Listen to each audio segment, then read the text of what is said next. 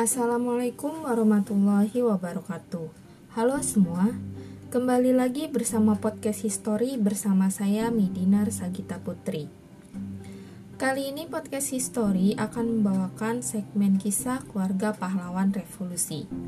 Segmen kali ini akan membahas kisah dari keluarga Jenderal MT Haryono part 2. Baik, tanpa berlama-lama langsung saja kita masuk ke pembahasannya.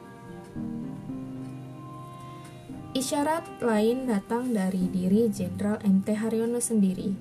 Beliau lebih sering duduk dan melamun sambil mendengarkan musik klasik. Biasanya beliau sibuk menata tanaman anggrek di taman belakang dan selalu ditemani oleh putri terkecil beliau yaitu Endah yang selalu duduk di kursi kecilnya sembari ditemani dengan musik klasik. Namun kebiasaan ini sirna saat putri terkecil beliau datang untuk menemani, namun akhirnya disuruh menjauh. Hal ini cukup menimbulkan keheranan di anak-anak beliau. Dan menjelang peristiwa kelam tersebut, di mata keluarga, beliau menjadi sangat sibuk. Dan kebiasaan beliau untuk menemani anak-anak beliau saat belajar menjadi hilang karena beliau harus menghadiri rapat hingga tengah malam.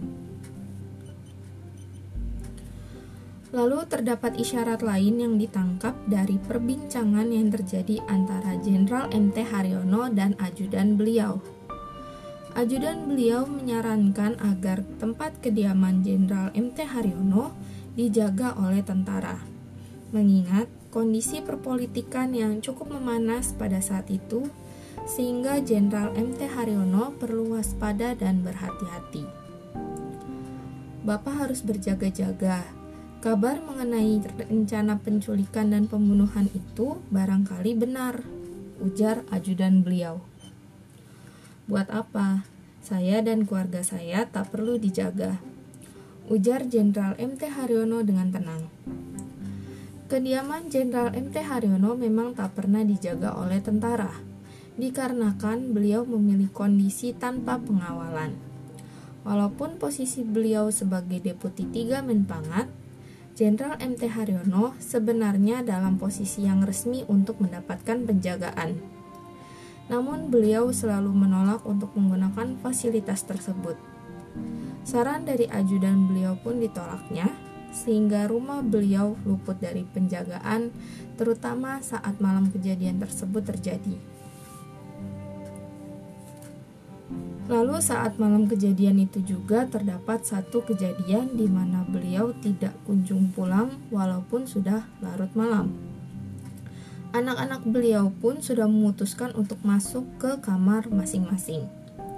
Saat itu ada salah satu putri beliau yang sedang tidak enak badan, sehingga ia pun tidur bersama ayah, ibu, dan juga adik terkecilnya.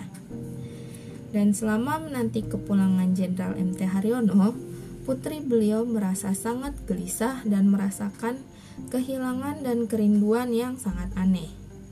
Ia merasa bahwa Jenderal MT Haryono tidak akan kembali pulang dan ia merasakan kehilangan tersebut.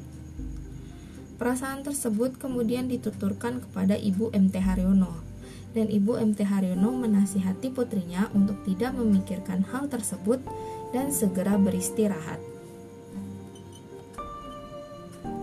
Menjelang dini hari, Jenderal MT Haryono pun tiba di kediaman beliau karena beliau harus menghadiri rapat untuk mendiskusikan HUT ABRI. Dan di tangan beliau tergenggam sekeranjang jambu air.